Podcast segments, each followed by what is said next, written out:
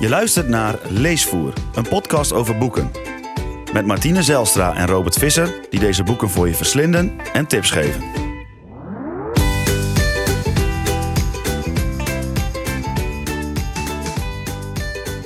Welkom bij de tiende aflevering van Leesvoer. Met deze keer een speciale aflevering van Weetvoer. Een samenwerking met de populair-wetenschappelijke website Nemo Kennislink. Waarbij we één keer per maand smakelijke boeken voor wetenschap en interessante weetjes voor je verslinden. En deze keer is dat 61 eilanden in de Waddenzee. Een ontdekkingsreis van Evert-Jan Prins. En verder hebben we nog de boekenluis met Leon de Winter en Jessica Duurlacher. Lockdown literatuur met het licht van Torgny Lindgren en het verrassingsboek. Iedereen kent vast wel de namen van de Nederlandse Waddeneilanden Texel, Vlieland, Terschelling, Ameland en Schiermonnikoog. Maar heb je wel eens gehoord van Razende Bol, Griend of de Zuiderduintjes? Had ik echt nog nooit van gehoord. Want dat zijn ook allemaal Nederlandse Waddeneilanden. Evert-Jan Prins bezocht er wel 61, verdeeld over de gehele Waddenzee van Nederland tot en met aan Denemarken. Hij ploegde door slikken, schorren en zuigende modder en zat op kleine bootjes om onbekende en soms verboden eilandjes in de Waddenzee te ontdekken. En terwijl we in Nederland in lockdown zitten, nemen we je mee op reis door de Waddenzee. Nou, waar gaan we als eerst naartoe, Robert? Ja, het lijkt me het mooiste om te beginnen bij uh, mijn favoriete eiland. En dat is uh, Schiermonnikoog. Um, ook uitgebreid uh, beschreven in, in, dit, uh, in dit hele mooie, ja, ontzettend dikke boek. Hè? Het is ja, echt, het is echt vuistdik. Een, een koffietafelboek. Ja, en mijn vuist is heel groot. Dus het is ook echt mijn een vuist dik boek. Vuist, ja. ja, en ik ga het allerliefst als eerste naar Schiermonnikoog. Schiermonnikoog is, um, ja, voelt voor mij altijd als thuiskomen als ik daar kom. Ik kom daar al vanaf kleins af aan. Mm. Zal ik het gênante verhaal ja, maar meteen oh, ja, vertellen? Maar meteen in. Nou, we komen straks... Oké, okay, nou ja, goed. Dit is echt een gênant verhaal. Als je het niet wil horen, kun je nu nog je microfoon of, of je, je, koptelefoon uh, afdoen. Of het geluid uitdraaien. Um, mijn ouders uh, um, hadden het heel gezellig op Schiermonnikoog. Uh, bijna 40 jaar geleden. Nou, al meer dan 40 ja, jaar geleden. meer dan 40 jaar geleden. En uh, mijn moeder vertelde vroeger altijd het gênante verhaal. Iedere keer als wij naar Schiermonnikoog gingen. En wij gingen meerdere keren per jaar naar Schiermonnikoog. Iedere keer vertelde mijn moeder het verhaal. Ja, Robert, hier ben je verwekt. ja. Dus, en ik weet ook in welk huisje. Nou ja, goed, dan hebben we dat maar meteen gehad. Nee, Schiermonnikoog is voor mij een heel dierbaar eiland. Om, omdat ik er verwekt ben. Wat ik echt een verschrikkelijk verhaal vind om te, om te horen en te vertellen. Ja. Maar goed. Je doet het uh, gewoon, hè? Nee, maar ook omdat ik me uh, erg verbonden voel met het eiland. Ik ben opgegroeid in Noord-Groningen. Uh, mijn familie komt daar ook vandaan. En dit is het eiland waar mijn opa en oma vroeger naartoe gingen al. Mm -hmm. uh, die woonden in Kloosterburen en die gingen dan naar Zoutkamp, klein dorpje. En dan gingen ze op de boot naar Schiermonnikoog. Tegenwoordig kan dat niet meer, nu ga je vanaf Lauwersoog. Ja. En toen had je nog geen echte aanleg, ja, nog niet zo'n stijger eigenlijk. Zo'n zo aanlegstijger of wat heb je nu, de Veerdam. Ja. Um, dus dat was allemaal ook nog niet helemaal goed uitgebaggerd. Maar hoe deden en, ze dat dan? Nou, ze gingen gewoon met een, met een, met een bootje ging je daarheen. En dan uh, uh, kwam er. Uh, dan moest je natuurlijk dat goed plannen dat het app was. Ja. En dan kwam, kwam je vast te zitten. Neem ja, nou ja, eh, precies. En dan nog net waar je kon, dan ging je op een kleine bootje, geloof ik. En dan kwam er een paard met wagen. Uh, kwam je ophalen. Uh, uh, die ging dus over het wat. Die, die over trok die... je dan door de zompende modder heen. Ja, precies. En ik heb daar nog mooie foto's van, ook van mijn opa en oma. Vooral met mijn oma die dan met die, die jurk ook een beetje omhoog haalt. Dat ze het toch wel spannend vindt of ze, oh, dat de kleren niet vies worden. Ja, ja daar kan ik um, me wel wat bij voorstellen. Ja, nee, ja en, en dat soort verhalen, daar ben ik mee opgegroeid, weet je. Ook de, de, de, mijn, mijn opa en oma gingen op die manier naar Schiermonnikoog. En dat was voor hen de vakantie. Dus zo, ja. zo vierden zij vakantie in, in Noord-Nederland. Is eigenlijk um, ook een beetje het begin van uh, toerisme van de Waddeneilanden, kan ik me zo voorstellen. Ja, een van de leuke dingen aan dit boek is dat het eigenlijk heel veel dingen combineert. Dus het combineert geschiedenis met biologie. Mm Mhm. -hmm. uh, ook waterbouwkunde zit erin. Hè? Van hoe zorg je nou dat die eilanden beschermd blijven? Of misschien ja. juist wel niet. Nou, biologie heel erg door de vogels en de dieren, maar ook welke, de welke andere... die er groeien. Precies, ja. ja. En hoe, hoe, hoe gedraagt die zee zich nou? Um, maar de, en er zit veel geschiedenis in. En een van de leuke dingen is dat ze bijvoorbeeld ook vertellen over, uh, um, over hoe er op Schiermonnikoog, hoe dat dan begint, hè? Dat, dat toerisme. Dat er op een gegeven moment de eigenaar van het eiland, dat is op dat moment Bank in de 19e eeuw, Mhm. die begint met, uh, uh, met een soort advertenties van zoek je rust, voornamelijk in, in Groningen en Friesland. Zoek je, zoek je de rust, ga dan naar Schiermonnikoog. En dat had die man briljant gezien. Mhm. Was wat dat betreft echt een visionair. En nou ja, daar, daar kwamen kwamen de eerste toeristen aan. Nou, mijn opa en oma leefden natuurlijk niet in de 19e eeuw. Die zijn allebei uh, begin jaren 20, nee ja, 1919 was mijn opa van, geloof ik. Um, maar die, uh, ja, die gingen daar echt al, al naartoe.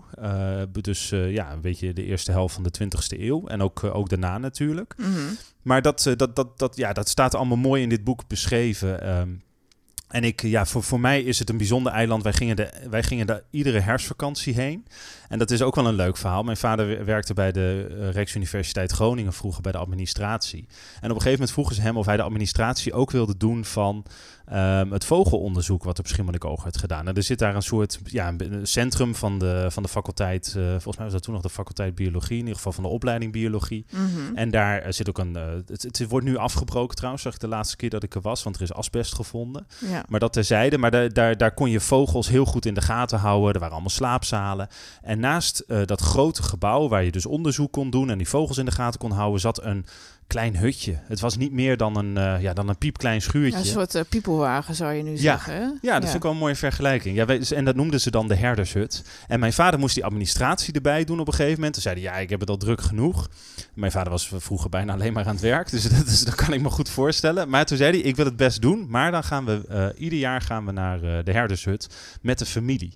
En dan dus gingen wij met het gezinnetje in die piepelwagen echt nou, je zat zo vol op elkaar. Je had uh, twee, uh, twee persoonsbedden en een, dan was er nog een heel klein, uh, of twee stapelbedden.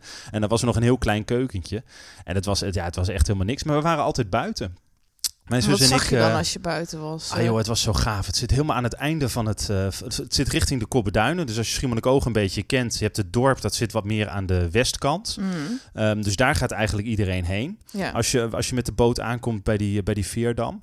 Uh, maar wij gingen dan rechtsaf. En de, het enige wat je daar nog hebt is eigenlijk twee boerderijen. Dus je hebt de, de, de, de kooiplaats. Daar werden vroeger eenden gevangen. Mm. nou, er staan dus twee boerderijen. En dan heb je dus nog helemaal als, als, als het laatste ja, pand wat er staat, is dan dus dat, dat onderzoekscentrum van biologie. Ja. Met die rare herdershut.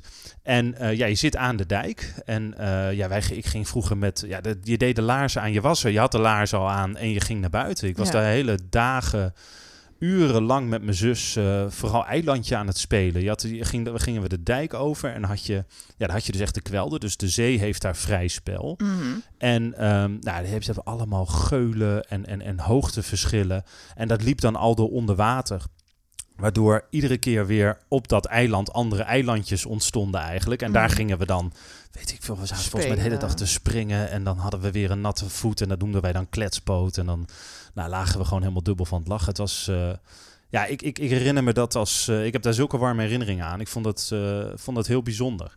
Staan er ook nog dingen in het boek, als je dan al zo vaak op Schiermonnikoog geweest bent, die je nog zelf verbaasd hebben?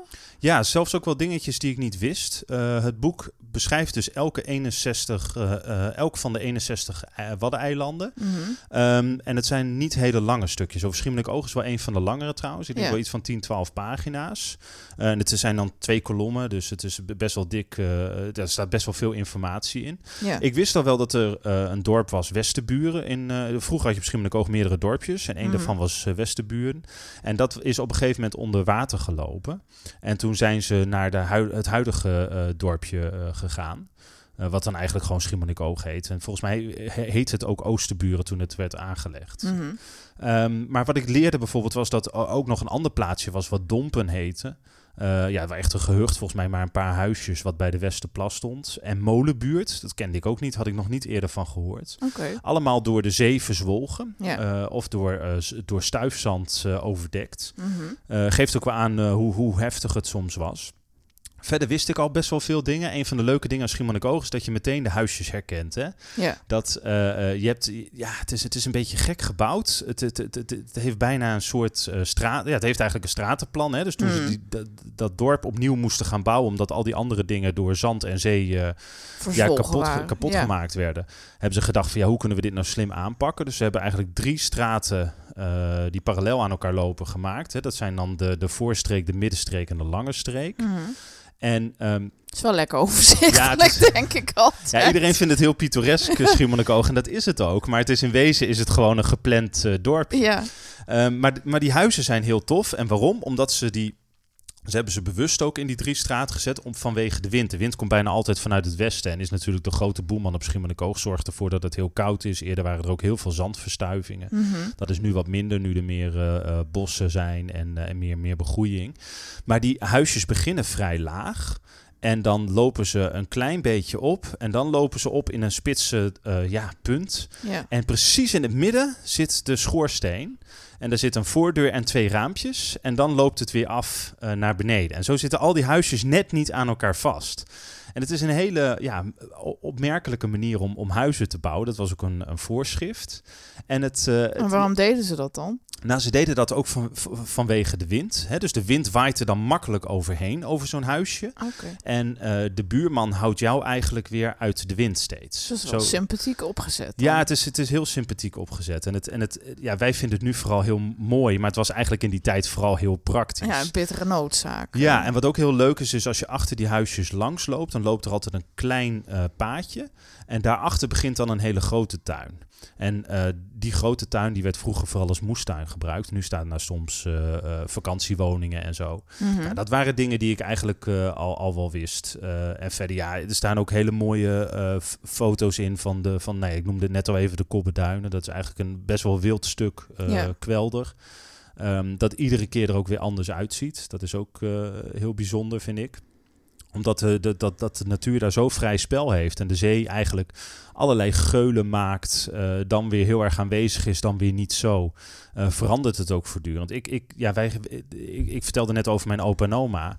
Ehm, die kwamen daar, mijn ouders kwamen er, ik kom er. En nu gaan wij er weer ieder jaar naartoe. Eigenlijk als een soort traditie om voor te zetten. Ehm, dus de volgende generatie eh, is, is daar ook alweer aanwezig. Ja. Ehm, en zo, ja, ik, ik stel me ook voor dat het iedere keer weer verandert, het eiland. Dus dat is, eh, en, en dat gebeurt ook gewoon. Dat, daardoor, blij, daardoor raak je er niet op uitgekeken. Dat is eigenlijk wat ik net wilde zeggen. Ja, want op het eerste gezicht zullen veel mensen misschien denken van al die, ach, al die waddeneilanden, die zijn allemaal een beetje hetzelfde. Je hebt er duinen, wat bossen, strand, schelpen en wat verdwaalde zeehonden. Wat zijn, er zijn toch wel, als je het boek leest, veel verschillen en ook overeenkomsten tussen die eilanden. Tenminste, als, nadat ik het gelezen had, dacht ik, bij alle eilanden kun je zeggen, eh, als overeenkomst, de Waddenzee is behoorlijk vreed geweest voor al die eilanden. Want het slaat stukken land weg, het verzuipt dorpen, mensen verdrinken. Of dorpen verdwijnen onder het zand, zeerovers roven de boel plat, de nemen schapen, vrouwen, kinderen mee.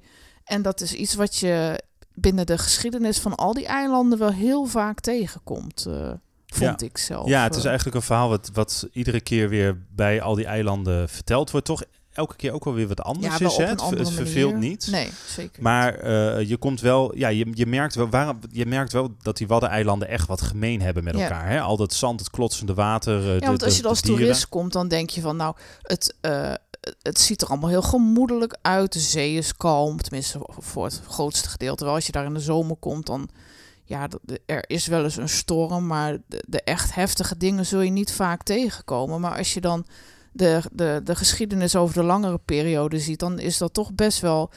eh, de, mensen die er wonen hebben er wel wat te verduren gekregen. Ja, wat ik ook net vertelde over Schiermonnikoog. Er zaten gewoon eh, v- drie, vier dorpjes. En er is er nu nog maar één over. En ik denk ook eens aan Vlieland bijvoorbeeld, wat me Ja. ook meteen te binnen schiet. Waar ook een dorp helemaal door de zee verzwolgen is. Dat is Ja, eh, nee, vrij klopt. langzaam gegaan. En zo heeft eigenlijk ieder eiland heeft, heeft wel zo'n eh, verzwolgen dorp. Ja, En eh, geeft ook de heftigheid wel aan eh, van, van hoe het was vroeger. Zo leven bij zee. Wat, wat, wat natuurlijk voor, eh, eh, ja, voor werk zorgde, voor, voor eten en, en, en dergelijke. Maar ook eh, ontzettend eh, hard leven was. Ja. Ja, dat, ik denk dat iedereen wel, eh, die daar woonde wel een verdronken familielid had. eh, of in ieder geval eh, mensen kende die door de zee meegenomen zijn. Ja, wat mij ook wel opviel was dat de, ehm, waar ik in het begin een beetje bang voor was bij dit boek, was dat inderdaad alles heel veel op elkaar ging lijken. Mm. Nu kun je wel zeggen van er is wel iets wat ze gemeen hebben, hè, wat, een beetje wat we net ook noemden. Maar de eilanden zijn zelf wel heel verschillend, Ja, vind je d- ja, niet? dat vond ik ook. Als je alleen al naar de vervoersmiddelen kijkt. Op het ene eiland hebben ze alleen maar paarden. Op het andere eiland hebben ze treintjes. Dat je denkt, treintjes? Ja, vooral die Duits, hè? Trein, eh, treinen in Duitsland, Ja, die zijn ja. daar gek op. Ja. Ja. op Borkum bijvoorbeeld hè, heb je ook zo'n treintje. Dus dan kom je met de boot aan en dan ga je met het treintje naar het dorp toe. Ja, ja, heel gek. Ja, Ja, en specialiteiten van het eiland. Ik bedoel, in Nederland zie je heel vaak eh, de, de, de bessen en zo. Maar ik zag ook bij een eiland dat ze meeuweieren bij het ontbijt eh, eh, als specialiteit hadden. Toen dacht ik, uh, nou, dan heb ik toch liever een lekker cranberry gebakje of iets dergelijks. en het viel me ook op. En bij de Nederlandse eilanden ga je vooral naartoe om uit te waaien. Maar die Duitse eilanden, daar zijn ze toch meer bezig dat, het, dat je erheen gaat voor je gezondheid. Omdat het een soort kuuroord is en waar je heen gaat om te flaneren. Want als ik dan kijk naar bijvoorbeeld het Waddeneiland Silt uh, in, uh, in Duitsland het was toch wel apart om te, om te lezen dat daar veel mensen naartoe gaan die echt steenrijk zijn en waar je bijvoorbeeld Porsches kan huren. Dus daar ga je echt heen om te laten zien hoe rijk je wel niet bent. Ja, dat kun je op Schiermonnikoog bijvoorbeeld helemaal niet voorstellen. Hè? Nee. Waar, wat autoluw is dan, en op Vlieland denk ik net zo, ja. wat ook autoluw is. Uh, en dan inderdaad pocherig uh, met, je, met je Porsche je gaat Porsche rondschuren. Door het, over het eiland gaat schuren. Ja, en ook heel ja. veel zeilbootjes daar hè, op Silt, geloof ik. Ja. Uh, ja. En nou, bij Noordernij is dat bijvoorbeeld ook zo. Uh, ja. Ook een Duits eiland. En wat in uh, 1797 dan wordt opgezet als een soort kuuroord. De Pruisische koning Friedrich Willem II die betaalt er 5000 daalders voor.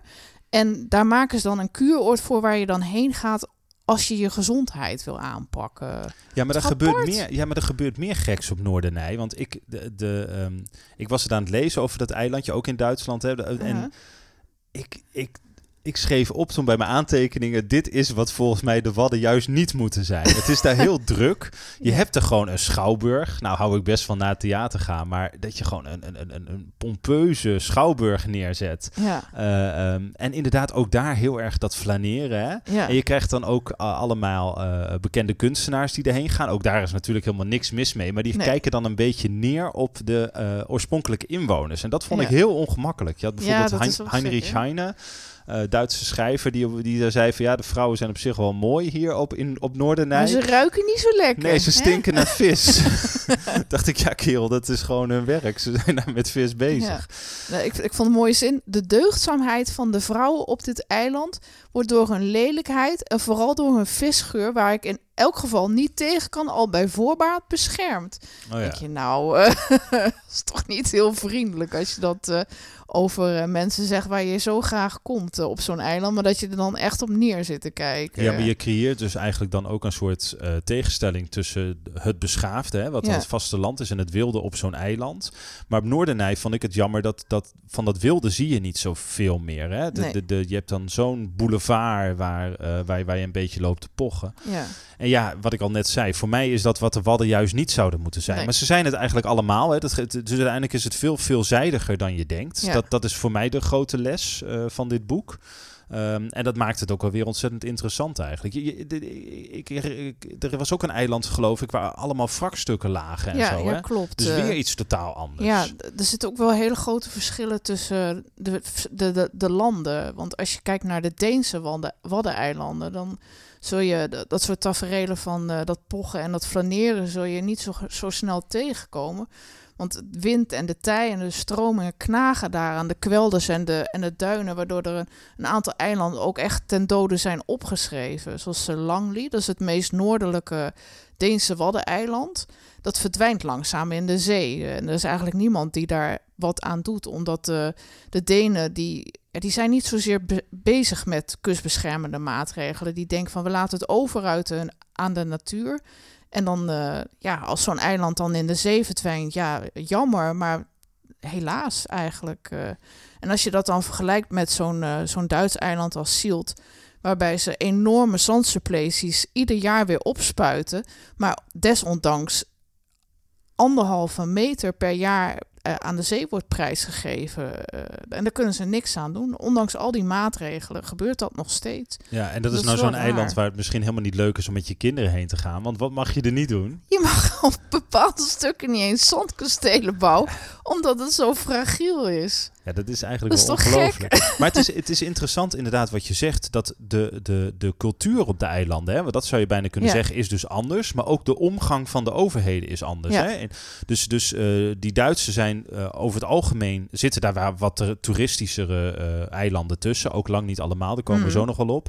En de, uh, maar daar, daar wordt wel van alles aan gedaan om die eilanden behouden te blijven. Te behouden voor, voor, voor, voor later. Voor de toekomst, ja. Ja, en dat is in Nederland eigenlijk ook zo. Ja. Maar Nee, in klopt. Denemarken laten ze dat dan weer los. Ja, ik vond dat ook wel interessant. Ja. dat, is, dat is toch een andere kijk erop. En ik had, in Denemarken was het ook minder toeristisch allemaal. Ja, dan Er zul je ook niet van die zoveel poggers eilanden. tegenkomen. Er staat dan eh, een enkel rietgedekt huisje zo nu en dan. En eh, Ja. ja, dus er zitten veel minder inwoners op ook. eh, dat, dat viel me wel op. Dat het eh, minder bewoond is dan, dan eilanden. En minder bezocht ook door toeristen dan, dan de Nederlandse Waddeneilanden en de Deense Ja, Waddeneilanden. en ik de, denk ook... de Duitse Waddeneilanden. Ja, en ik denk ook veel minder bekend eh, voor ons, maar ook Ja. voor de meeste, meeste luisteraars. Ehm, en dat is wel een compliment ook voor, voor Evert-Jan Prins. Dat is degene die dit heeft geschreven. We hebben hem nog helemaal niet geïntroduceerd. Ehm, maar de- daar zit wel een leuk verhaal achter. Hè? Hij, Ja. hij woont in Groningen en het, het is gewoon het is een tandarts ja, die eh, dit als hobby heeft. Hij, eh, hij is er tien jaar geleden mee begonnen. Eh, zat toen geloof ik op Noorderzee. En toen dacht hij van, nou ja, ik heb aardig wat Waddeneilanden bezocht. Best eh, interessant. En toen is dat een soort, ja, is het een hobbyproject van Ja. hem geworden. Hij heeft nu dit boek geschreven, wat, ja, wat dus hartstikke dik is met heel veel foto's en met ontzettend veel eh, mooie informatie. Ehm, maar ja, we moeten hem wel een heel groot compliment maken. Want eh, als hij zo goed is als tandarts als dat hij kan schrijven, dan is het, is het een van de beste tandartsen van Nederland. Nee, ik vind dit, ik heb dat ook al bij de vorige aflevering gezegd als aankondiging. Dit is voor mij een van de pareltjes. eh, misschien wel een van de leukste en beste en verrassende boeken die de afgelopen jaren zijn verschenen. Wat, wat een feest is het om dit te lezen. Ja. Het, is, eh, het bevat zoveel informatie die ik nog niet wist. Het is zo mooi uitgegeven. ja, en het is gewoon ook leuk om steeds weer zo'n nieuw eiland door te bladeren en te lezen van wat daar nou te zien valt en wat daar de geschiedenis van is. eh. Ja, en, en, en, en je, het verraste verrast mij. worden, Ja, het, ja. ja. en het verraste mij ook omdat ik dacht, ja, ik was een beetje sceptisch in het begin. Ik denk, een tandarts kan die nou, ja, ik bedoel, wat moet ik daar nou van verwachten? Ja, nee, misschien een beetje flauw om te zeggen. liever Maar dat, is- gaatjes boren dan eh, schrijven, Ja, jij? ja. eh. ja, nou ja, en de tandarts ja, je die zou ik... toch moeten weten, hè? tandarts kunnen ook heel hele andere dingen doen. Eh, je hebt ook Dr. Elben, die ook tandarts was, toch? Ja, nou, Waarom zou een dokter- tandarts niet kunnen schrijven? Goed touché, je hebt helemaal gelijk. Ja. Nee, maar even John Prins heeft gewoon ontzettend mooi boek van gemaakt. Dat is eh, hartstikke gaaf. Ja. Waar zou je nou zelf nog graag naartoe willen gaan nadat je dit boek gelezen hebt?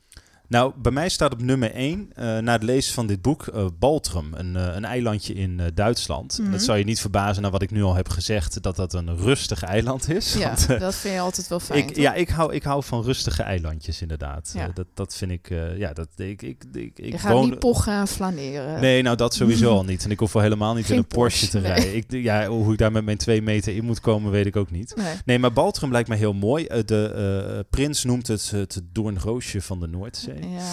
Ehm, nee, je vindt er geen verkeer. Het is, je mag er niet eens met de fiets komen. Dus het is alleen maar wandelen en er lopen wat paarden rond. Eh, nou, nou heb ik niet zo heel veel met paarden. Dus ik denk dat ik het dan lekker bij wandelen hou. Je gaat niet op Ehm, zo'n beest klimmen. Nee, nee. Het is een heel rustig eilandje. En de foto's deden mij aan Schiermonnikoog denken. En eh, eh, ja, dat, nou ja, dat vind ik echt een ongelooflijk mooi eiland. Hè. Veelzijdig. Je hebt een mooie, duinen. Je hebt eh, prachtige zee. Je hebt... eh, eh, heel veel eh, eh, bijzondere dieren die, je die je kan zien. En het is, ja, het is rustig, die wind die, die rondgaat. Maar Baltrum sprak mij ook aan omdat het bijzondere verhalen heeft. Ja.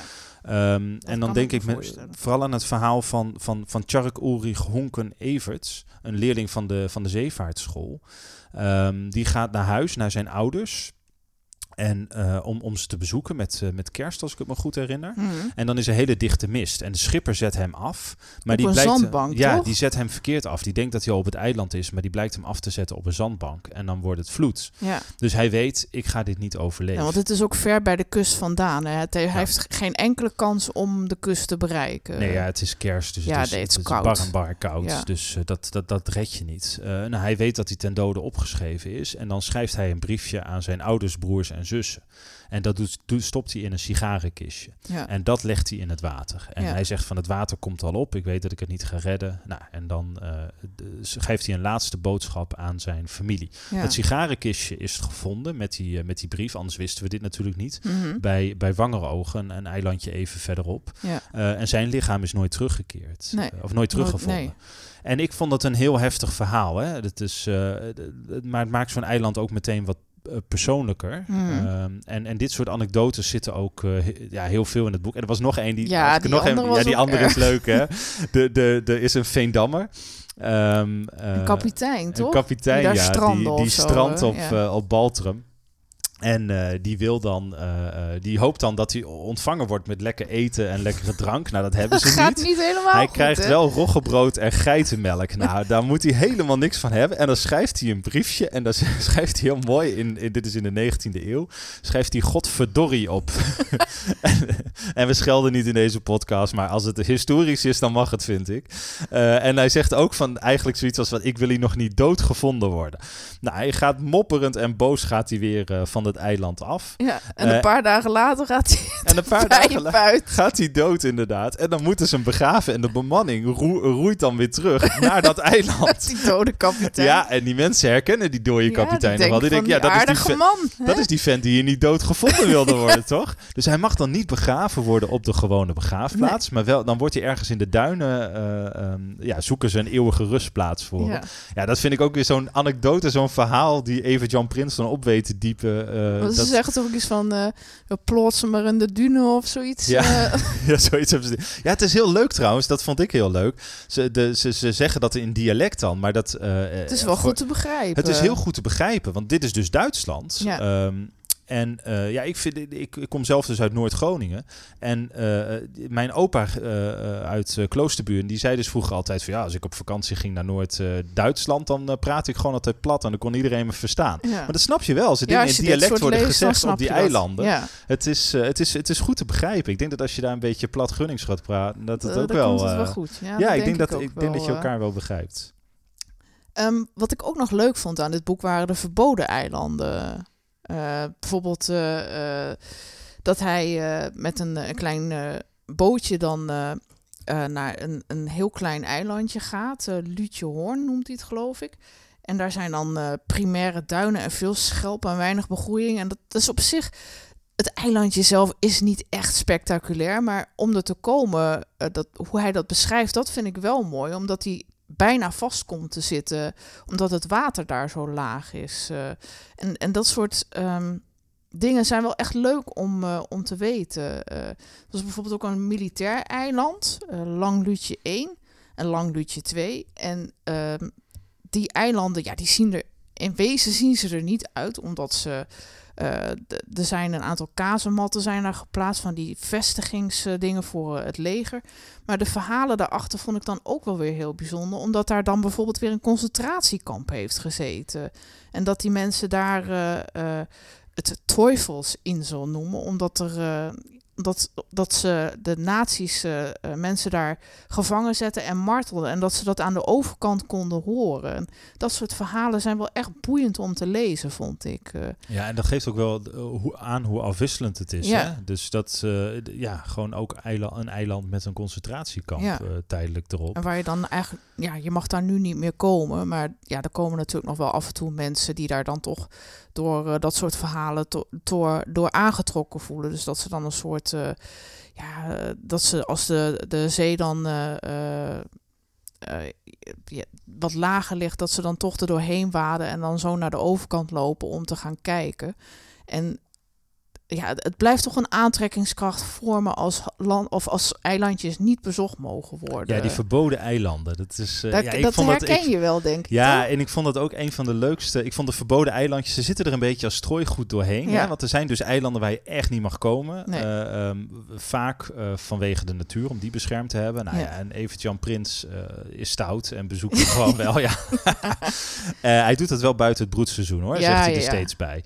Ja, dus, hij gaat er niet stampend doorheen. Nee, hij blijft er ook niet heel lang. Hij nee. probeert dingen zo min mogelijk te verstoren. Ja, maar hij goed, is wel het, nieuwsgierig. Het mag niet, nee. nee. Maar het zijn er ongeveer tien. En uh, ja, ik vond ze heel leuk, uh, omdat ze... Ja, het, het, brengt een beetje spanning mee. Er is er ook één waar die bijna niet, uh, bijna niet komt. En waar die echt maar op het, tot op het laatste moment zit te wachten van... wanneer lukt het eindelijk een keer? Nou, dan, dan, dan kan het eindelijk. Maar hij gaat bijvoorbeeld ook naar Kachelotplaten. Een, het potviseiland. Kachelot is geloof ik een verbasterd Frans woord voor potvis. Ja, klopt. potviseiland waar je zelfs niet overheen mag vliegen. En uh, vanwege de beschermde diersoorten die er, uh, die er leven. En dan komt hij daar toch met een klein, uh, klein bootje terecht. En dan, zie, ja, dan ziet hij dat het een kraamkamer is voor zeehonden, kegelrobben.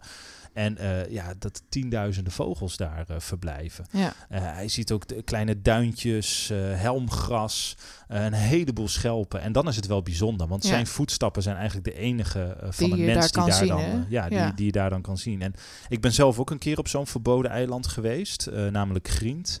Een eilandje wat net onder de Schelling ligt. Mm -hmm. um, en dat is, uh, uh, ja, ik vond dat heel bijzonder. Dat is Wat een deed je daar dan? Nou, ik mocht daar, uh, ik, ik mocht daarheen. Dus het, ik, ik ben niet Jij zo. was niet stout. Ik ben niet zo stout als Evert Jan Prins. dat is altijd baas boven baas. Nee, ik mocht daarheen omdat ze daar onderzoek deden.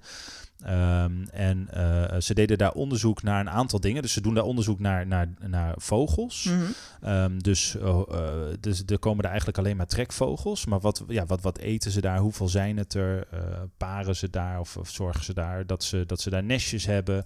Um, ja, wat, hoeveel zijn het er dan en waar gaan ze allemaal heen? Dus die vogels die worden ook gelabeld en getracked. En die, die worden dan, nou, je kunnen ze nagaan waar ze allemaal heen gaan. Mm -hmm. maar er worden nog meer dingen gedaan op het eiland. En daarvoor was ik er toen.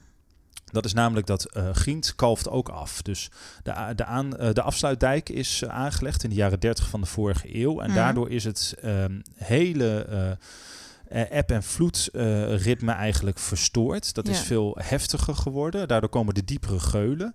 En um, komen er ook, geloof ik, ja, die, die zandplaten die komen weer lager te liggen. En uh, daar heeft Gient heel veel last van. Hebben alle Waddeneilanden wel zo'n beetje last van. Maar vooral. Gient heel erg. Omdat het dus niet als een, als een, als een uh, eilandenreeks echt aan de boven, aan de noordkant ligt. Maar net even onder uh, de Schelling. Dus het heeft heel, heel veel, ja, die geulen die... Die, ook- trekken eraan, Precies, als het ware. ja, ja. En eh, ze zijn daar bezig geweest om, op, om te kijken of ze op een natuurlijke manier, dat zijn ze nog steeds aan het doen, of ze op een natuurlijke manier ehm, de, de- ja, een soort waterbouwwerk neer kunnen zetten. Dus hoe kun je dit beschermen op een natuurlijke manier? En dat hebben ze gedaan door onder meer mosselmatten Een te soort plaatsen. waterkering. eh. Ja, ja, je zou kunnen zeggen een soort duin of dijk, maar dan dus o- op een wat natuurlijkere manier. maar met Nou, mosselbanken. ja, met mosselbanken die op eh, kratten van zetmeel die na tien jaar weer vergaan. Dus die mossels moeten zich echt eerst ergens aan kunnen hechten. Mhm. En daarachter werd dan zeegras geplant. En zeegras was daar vroeger heel veel. Dat werkt ook dempend. Hè. Dat, dat houdt de golven eigenlijk gewoon tegen. Ja, en het zand bij elkaar, kan ik me zo voorstellen. Precies, die Ja. twee dingen doet het. En eh, als je eerst de mossels hebt en dan het zeegras, dan komen de golven dus al minder hard aan bij het zeegras. En heb je dus grotere kans dat het weer blijft en dat het de boel weer bij elkaar houdt. Nou, het, eh, inmiddels is al wel duidelijk geworden dat het aardig goed werkt. Toen ik daar was, waren ze nog volop aan het experimenteren. Dus Mhm. je staat dan echt met hoge laarzen, eh, ja, met zo'n zo'n broek zeg maar, die, die tot onder je oksels komt. sta je in het water, sta je bij al die dingen te kijken. En Ja. ja, ik mocht daar toen voor, voor Nemo Kennislink mensen interviewen, de, de wetenschappers die daar bezig waren. En het was, dat was heel bijzonder. Het is, ja, je, de je moet je voorstellen, er staat één huisje, dat is het. Eh, dat staat op hele hoge poten, want soms loopt het eh, Klopt helemaal het onder water. ja. ja. En dan staat er één boom en dat is het. Eén En- boom? Ja, één boom. En eh, wat ik heel leuk vond, ik zat op een gegeven moment, ik, zat, ik had er al uren rondgelopen. Eh, nou, van alles gehoord over die vogels, mossels en de zeegras. En eh, nou, ik was helemaal op de hoogte. En op een gegeven moment zie ik iets daar staan naast dat huisje. En ik denk, wat is dit joh? Wat, dit lijkt wel een vossenhol. Of, eh, of ja, eh, is dit een of andere opstelling? Dus ik, ik roep een van die wetenschappers erbij. En ik zeg, wat, wat zijn jullie hier aan het onderzoeken? Nou, zegt hij, dat is onze pizza-oven die Oh. we hebben gebouwd. Zodat we in de zomer lekker eh, pizza Pizza's kunnen, kunnen maken. Ehm, Ja. en Misschien ook een, een vosje roosteren. ja, maar ik, eh, ja, ik, vond het, ik vond het heel tof om op zo'n verboden... Het is natuurlijk gewoon bijzonder om ergens te zijn waar niet zoveel mensen mogen komen. Ja, ja. Eh, en dan ook nog naar dat onderzoek te kijken. Ehm, dus dat, eh, ja, ik, ik kan me wel voorstellen dat Evert Jan Prins dat, dat, hem dat, dat ook graag wilde. Ja, ik, Ja. ik hoop nu wel, dat, en dat hoop ik echt, dat niet meer mensen dit gaan doen. Want er is een reden dat natuurlijk die eilanden verboden zijn. Dat Ja. we eh, daar ruimte moeten geven aan de natuur. Dat Dus ze- lees lekker het boek, maar ga er niet zelf ja, en dat vond ik het gave. Want ik heb, ik heb nu dus... Jij vroeg aan mij, waar wil je het liefste heen? Dan denk ik aan Baltrum. En dan denk ik dus niet aan die verboden eilanden. Wat Nee. ik leuk aan dit boek vond, was dat je meekijkt over de schouder van eh, Prins. Dus je gaat met hem mee naar die verboden eilanden. Hmm. En dat was voor mij wel, wel echt genoeg hoor. Dus dat... eh, eh, Ja, en er zaten er ook wel een aantal bij waarvan ik zelf dacht... Ja, leuk dat je er geweest bent, maar sommige foto's, ja, dan zie je eh, een, een soort vlakte met wat uitstekend helmgras. Ja, wat zijn- schelpjes en dan was het dan. Ik Ja. ja. Ja, ik had hetzelfde, weet je. Dan las je weer van, ja, we gaan nu naar het verboden zandplaat, eh, bla bla bla. En dan, en dan keek je en dan dacht je, ja, oké, ja, het is een eh, zandplaat, ja. In de, Ja, de heel verte zie ik volgens mij een zeehond. en het is een beetje een druilerige dag. Ja.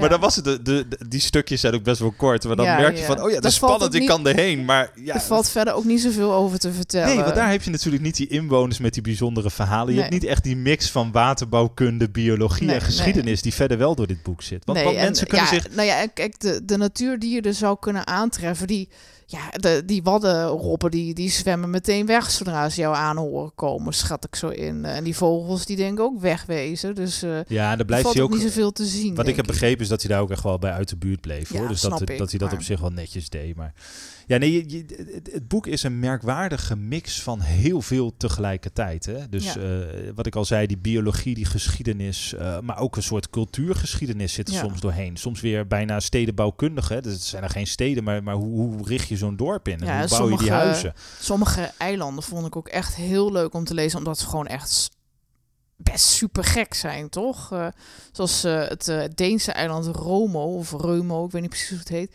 heeft de vorm van een nier met een soort urineleider. En er ligt gewoon zo weinig hout op het eiland dat ze walvisbeenderen gebruiken om de boel af te rasteren en omheiningen te maken tegen het zand. En dan heb je nog weer een andere Zuideroogzand. En dat ligt vol met gestrande scheepswrakken door stormvloeden en eh, zware ijsgang en oorlogen. En daar ligt het dan helemaal mee bezaaid. En andere dingen hebben weer hunebedden. Dat ik ook dacht van hunebedden, wat, wat doet dat daar überhaupt? Beetje de, de Drentse Waddeneilanden ja, dan, dat is toch raar? Ja. En eh, nou, het mooiste voorbeeld vond ik, eh, denk ik, Rotterdam-Oog. Eh dat is tegenwoordig, ja, mag je daar ook niet meer komen. En het is een soort paradijs voor scheitende schoolexes en zeehonden. En uh, mensen worden daar zoveel mogelijk geweerd en niemand woont daar ook meer. Uh, ja, daar komen nog wel eens wat vogelwachters en uh, deelnemers van Staatsbosbeheer.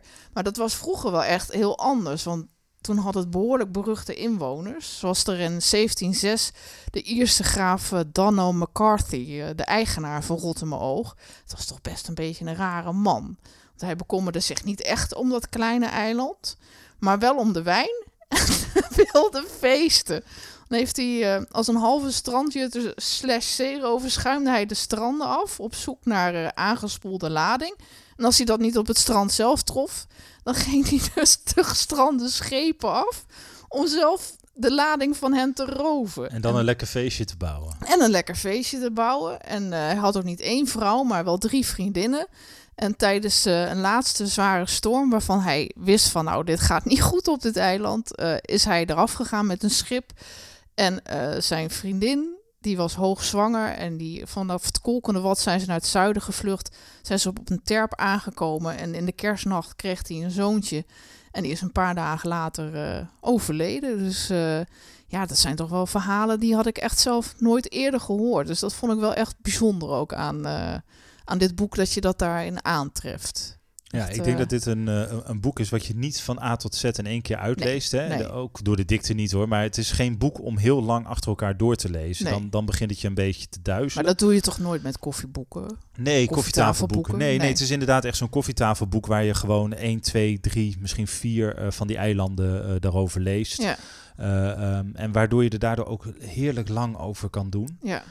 Um, en uh, ook als een je weer bij opnieuw... weg kan dromen als, Ja. het- als we in een lockdown zitten. Ja, nou toch? ja, juist nu. Je gaat op een. Uh, het boek heeft als ondertitel ontdekkingsreis. En het, het is ook echt een soort ontdekkingsreis. En, en, en Prins neemt je mee. Dus Ja. je gaat met hem op ontdekkingsreis. En dat is, ja, dat is wel heel erg, heel erg leuk om te doen op dit moment. Ja.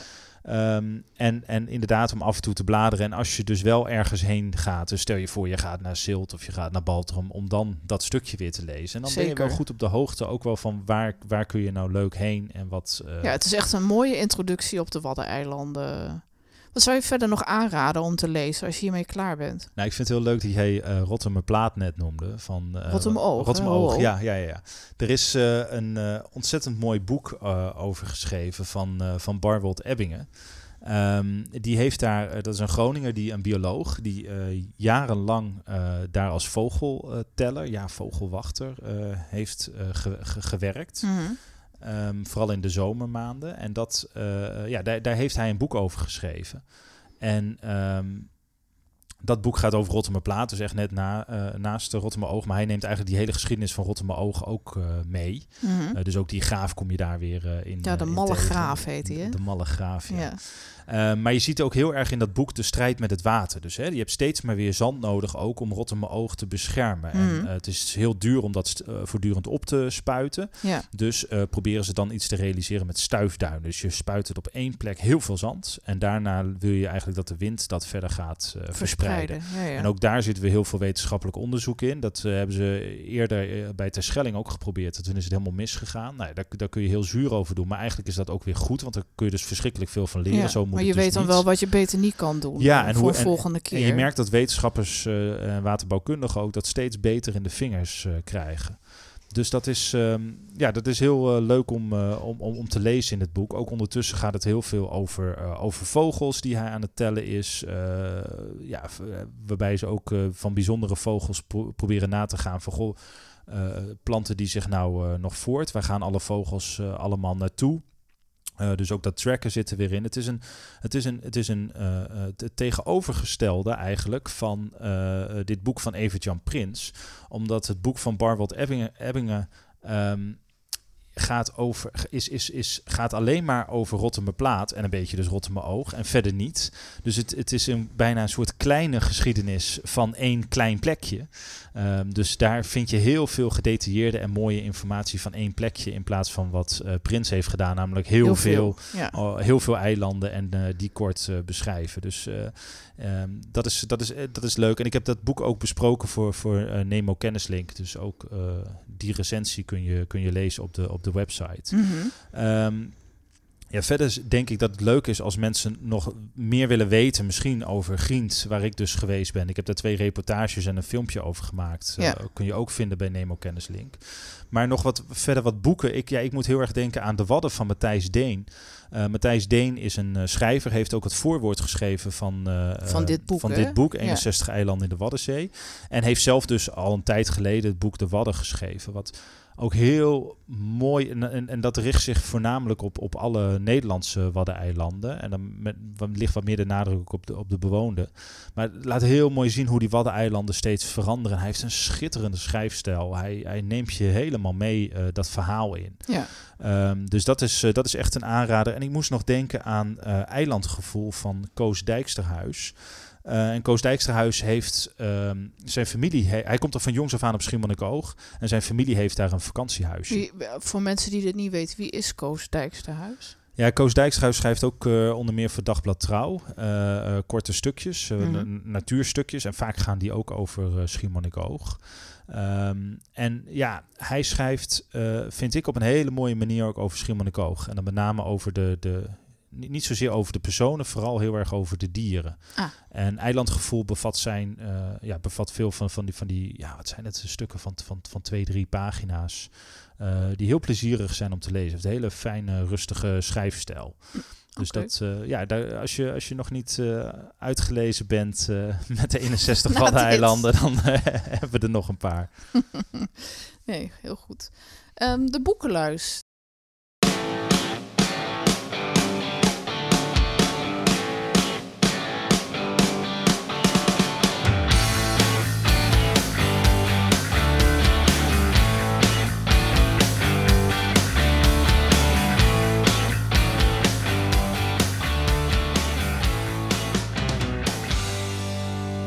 Jessica Duurlacher en Leon de Winter in de VARA-gids. Want hoe zit dat nou precies, Robert? Ja, Jessica Duurlacher en Leon de Winter zijn natuurlijk twee uh, schrijvers. Um, en uh, samen. Ja. En hebben samen kinderen. Nou, dus ze werden geïnterviewd omdat Jessica Duurlacher heeft een nieuw boek. En uh, ze werden geïnterviewd voor de rubriek Buis en Haard oh ja. in de VARA-gids.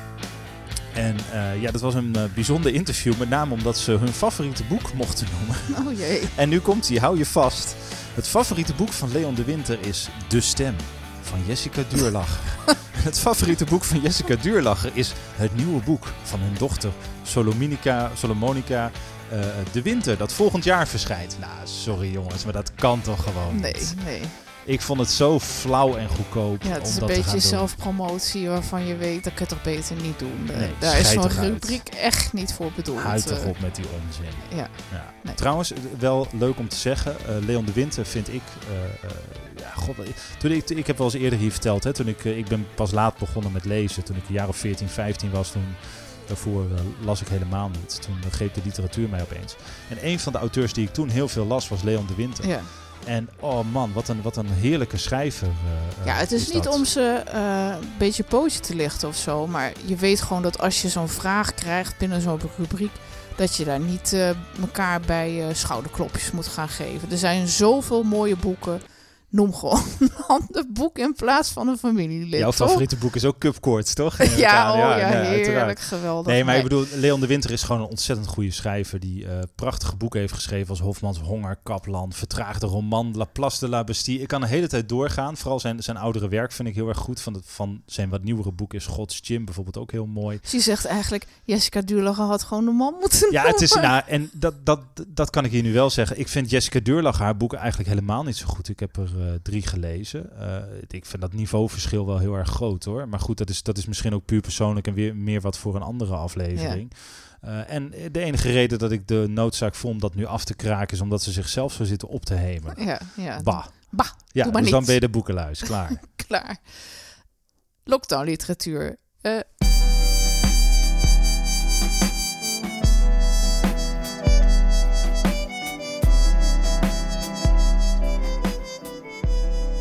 Het licht van Tony Lindgren hebben we dit keer in lockdown literatuur. En lockdown literatuur hebben we bedacht om wat je nou kan lezen tijdens de lockdown. Wat, wat fijne eh, aanknopingspunten geeft als je denkt... eh, ik zit in een lockdown, wat moet ik nu lezen? Ehm, wat heeft te maken met een lockdown? En dan denken we aan dingen als een virus of eh, eh, eenzaamheid of nou ja, van dat soort onderwerpen die je er raken. En daarvoor hebben we dit keer het licht van Torkney Lindgren genomen. Ja, en het mooie is, ik, ik, heb- ik heb het boek in 2007 gekocht. Ik zag dat het bonnetje er nog in zat. Ik heb het uit de kast Ja. geplukt. En de voorkant eh, is eh, de verlaten vlakte van, eh, Sneeuw. met sneeuw en, en een hekje. Ja, Een besneeuwd hekje. Dus dit is ook wel eh, super toeval, eh, toepasselijk eigenlijk eh, eh, op dit moment. Ja. Ehm, maar het is om, om meer redenen to- toepasselijk. Niet alleen eh, vanwege de co- cover. Ehm, dit boek van Lindgren... ehm, wat toch denk ik wel zijn allerbelangrijkste boek is. eh, gaat over een boer, Jaspar, die eh, op zoek gaat naar, een- naar de vrouw van zijn droom. En hij weet ook heel precies hoe ze eruit moet zien. eh. en nou, hij gaat op zoek eh, naar haar in een ander dorp. En eh, hij komt dan terug, gedesillusioneerd, want hij heeft haar niet gevonden, maar wel een zwanger konijn. Oh. En eh, ja, ik vind dit al een briljant begin. En dat konijn verandert eigenlijk alles. En dan eh, neemt het boek best wel een dramatische wending, want eh, het konijn neemt de pest mee. Die boer die gaat eh, meteen dood. Ehm, en het konijn... dus geen eh, konijnenpest, maar pest voor mensen. ja, dus eh, ja, en ook eh, ja, en die konijnen die planten zich enorm voort in dat dorp. En ondertussen, ja, er gaan er heel veel mensen dood. Er blijven nog maar zes over. Oké, van de? Eh, dat weet ik niet. Dat, eh dat heb ik zo niet paraat. joh. Ik, heb het Ja, sorry. ik heb met veel plezier gelezen, maar ik kan niet opslepen hoeveel mensen er precies woonden. Jammer zeg. Wil je nog de verdeling tussen mannen en vrouwen weten? Dit doet me denken aan... Nou, echt een nachtmerrie voor mij. Toen ik mijn, eh, mijn, mijn tentamen had vroeger voor boeken. Toen had ik Of Mice and Men gelezen van John Steinbeck. En ik vond dat zo'n mooi boek. Maar heel veel mensen kozen dat uit omdat het zo dun was. En ik koos het uit omdat mijn zus het ook op een lijst had staan. En we hadden dat toevallig in de kast. En verder hadden wij ze heel weinig boeken. Dus... Ehm, maar ik had het boek gelezen en ik, ik, ik was eh 15 of zo. En ik heb gewoon gejankt tijdens dat boek. Zo, zo, Zo ik denk dat het volgens mij is de enige keer ook ooit dat ik gejankt heb. Als, als, als puber met veel te veel emoties. En toen vroeg eh, de leraar, die vroeg, hoe heette het beekje? waar, de, wat gaat er over twee mannen, waar die elkaar ontmoeten. Ik, ik heb hem aangekeken. Ik zei, het beekje? Welk be- weet ik veel? Ik had het ik ga het er niet onthouden bij welk beekje ze elkaar afspreken. Dus ik ben boos geworden. En dat vond hij fantastisch. En ik zei daarna van, ja, maar ik kan je wel vertellen over de relatie tussen die twee. En waarom die vriendschap zo mooi was. En nou ja, hij zag al die emoties bij mij. en, en, het, eh, en die woede. En ik kreeg er uiteindelijk een 9 voor. En ik was daar, ik, ja, ik vond het fantastisch. Eh, maar goed, ook daar hadden, we Zo het, eigenlijk- daar hadden we het eigenlijk helemaal niet over. Dus hoeveel mensen er wonen met tien, ik heb geen idee. Nou ja. Eh, ehm, maar het zijn er uiteindelijk zijn er nog maar zes over. Dat weet ik wel. het, het, het, het, uh, het interessante van dit boek is, is dat dat het, uh, het startpunt is eigenlijk. Dus wat gebeurt er daarna? Het gaat best snel. Mhm. Dus ik, als je het vergelijkt met de, nee, daar is dan geen lockdown, maar als je het vergelijkt met de, de ziekte waar we nu te maken mee hebben, hè, met het coronavirus en met COVID, dat, dat duurt allemaal behoorlijk lang. Ook door de maatregelen natuurlijk die Ja. er allemaal worden genomen. Maar dit gaat snel, dus dat, dat dorp wordt heel snel gedecimeerd. En Mhm. dan ontstaat er een nieuwe, eh, ja, je zou bijna zeggen een nieuw normaal, maar een nieuwe realiteit. Eh, want wat moet je dan? Wat moet je met de bezittingen van de mensen die dood zijn? Van, van, van wie is dat dan? Ja. Eh, wie, wie is er nog de baas in dat dorp? ja, als er nog maar zes over zijn, is dat wel ingewikkeld. ja, dus eh. alle regels en alle orde, handhaving, alles is weg. En ondertussen zijn er wel ontzettend veel spullen. Er zijn heel veel huizen. Er is, eh, er is allerlei goud en, en sieraden en weet ik veel wat niet. Wat, wat doe je daar nou mee? Wat, hoe, en, en hoe ga je nog met elkaar om als je zulke verschrikkelijke dingen hebt meegemaakt? En, en hoe, hoe ga je nog banden aan met elkaar? ja. Ja, hoe, hoe werkt dat allemaal? Dat is eigenlijk waar dit boek over gaat. En ehm, het, het, het, het, het is een beetje sprookjesachtig verteld. Het is, eh, hij, ik zag ergens dat hij vergeleken wordt met Gabriel Garcia Marquez, hè, een bekende schrijver uit eh, Latijns-Amerika, uit Mhm. Colombia. Ehm, het heeft ook een beetje dat, dat sprookjesachtige verteltrand, die eh, heel mooi en meeslepend is. Want het is, een, het is eigenlijk een huiveringwekkend verhaal. Ja, Maar, ja, als er zes mensen overblijven, dan ja, maar het, het, het, is wel naar. dus er zit steeds in ieder hoofdstuk ook een spanningsopbouw. En dat, eh, ehm, ja, daardoor wil je maar doorlezen. Nou heb ik even gezocht. Ik- wij hebben dat boek dus in 2007 gekocht. Omdat Bonnetje er nog in zat, wist ik dat. Ja, Ehm, het is toch knap dat je dat be- be- bewaard ja, hebt, dat vond ik zelf ook wel leuk. Ja, Ja. het- ik zal eens kijken, wat kostte het toen? 12,50 euro. Nou, kijk eens Eh, aan. je had er wel de euro natuurlijk. Maar de, eh, eh, nee, ja, het is niet meer verkrijgbaar. Dus dat is eigenlijk heel erg balen. Maar het is tweedehands nog wel verkrijgbaar. Oké, Dus, bij boekwinkeltjes of zo. Ja, bij, bij boekwinkeltjes.nl. Ik zag bij, bij Bol dat ze ook nog wat hebben. De, de slechte kun je ongetwijfeld proberen. De, de Biep natuurlijk. Hè. De- Ja. de- dit is een boek wat ze bij de Biep moeten hebben. Het, is een, het was een tijd ook, ook erg populair. Ehm, en eh, ja, eh, wat mij betreft echt een klassieker eh, uit, uit Scandinavische literatuur. Ja. Het verrassingsboek. Nou, het verrassingsboek hebben we opgezet om je te helpen bij het kiezen van interessante boeken. Dan weet je nou niet wat je moet lezen of heb je gewoon zin om een keer verrast te worden met een boek. Dan kun je je ook opgeven voor het verrassingsboek. Stuur dan een- ons een mailtje op. Leesvoerpodcast.gmail.com Ja, of stuur ons een eh, DM op Twitter. En dan sturen we je een boek op. En we doen het in samenwerking met eh, Bos en de Jong, een eh, lokale Rotterdamse boekhandel. Omdat veel boekhandelaren het momenteel zwaar hebben in deze lockdown. En wij hen op deze manier een beetje kunnen helpen. En jou zo aan een, van een, aan een interessant boek voorzien. Dus geef je op. Ja, lijkt ons hartstikke leuk. Hey, nog even wat anders. We hebben deze aflevering natuurlijk gemaakt eh, in samenwerking met, eh, met Nemo Kennislink, hè, Ja. een populair wetenschappelijke website. Ehm, en dat gaan we vanaf nu maandelijks doen. Ja. Dus ehm, dan kiezen we eh non-fictie uit eh, met een eh, populair wetenschappelijke invalshoek. Ehm, dus dat kan eh, zoiets zijn als, als we vandaag hebben gedaan. Het kan ook bijvoorbeeld over de natuurkunde gaan. Of, maar het zijn, het zijn altijd eh, boeken die goed geschreven zijn en die wij echt zouden aanraden. Dus ehm, Om lekker te verslinden, toch? ja, om lekker te verslinden, zodat Ja. je je leeshonger kan stillen. Nee, maar de, de, de, de criteria zijn eigenlijk precies hetzelfde. En het, Ja. het leuke is dat echt ons doel is om mensen te laten zien wat voor mooie boeken er allemaal zijn. En, en dat enthousiasme willen we, willen we vooral delen. Ja. Ehm, dus eh, deze podcast zal ook eh, vaak, vaak wordt het gekoppeld aan een recensie. Dus ik heb nu ook zelf een recensie geschreven over eh, dit boek. Dus niet alleen nu bespreken we hem in de podcast, maar ik heb ook een recensie van geschreven op, Nemo Kennislink. Ehm, dus daar, ja, daar kun je natuurlijk ook even naar kijken. Er staan ook net weer wat andere dingen in, in genoemd. Ja. Ehm, dus dat, dat, dat zullen we nu voortaan eh, iedere maand zo doen. En de andere weken ja, eh, bespreken we van alles en nog wat. Eh, dat kunnen romans zijn, dat kunnen reisverhalen zijn, dat kan ook non-fictie zijn. Ehm, dus ja, je blijft ons wekelijks horen op je favoriete podcastkanaal. Tot de volgende keer.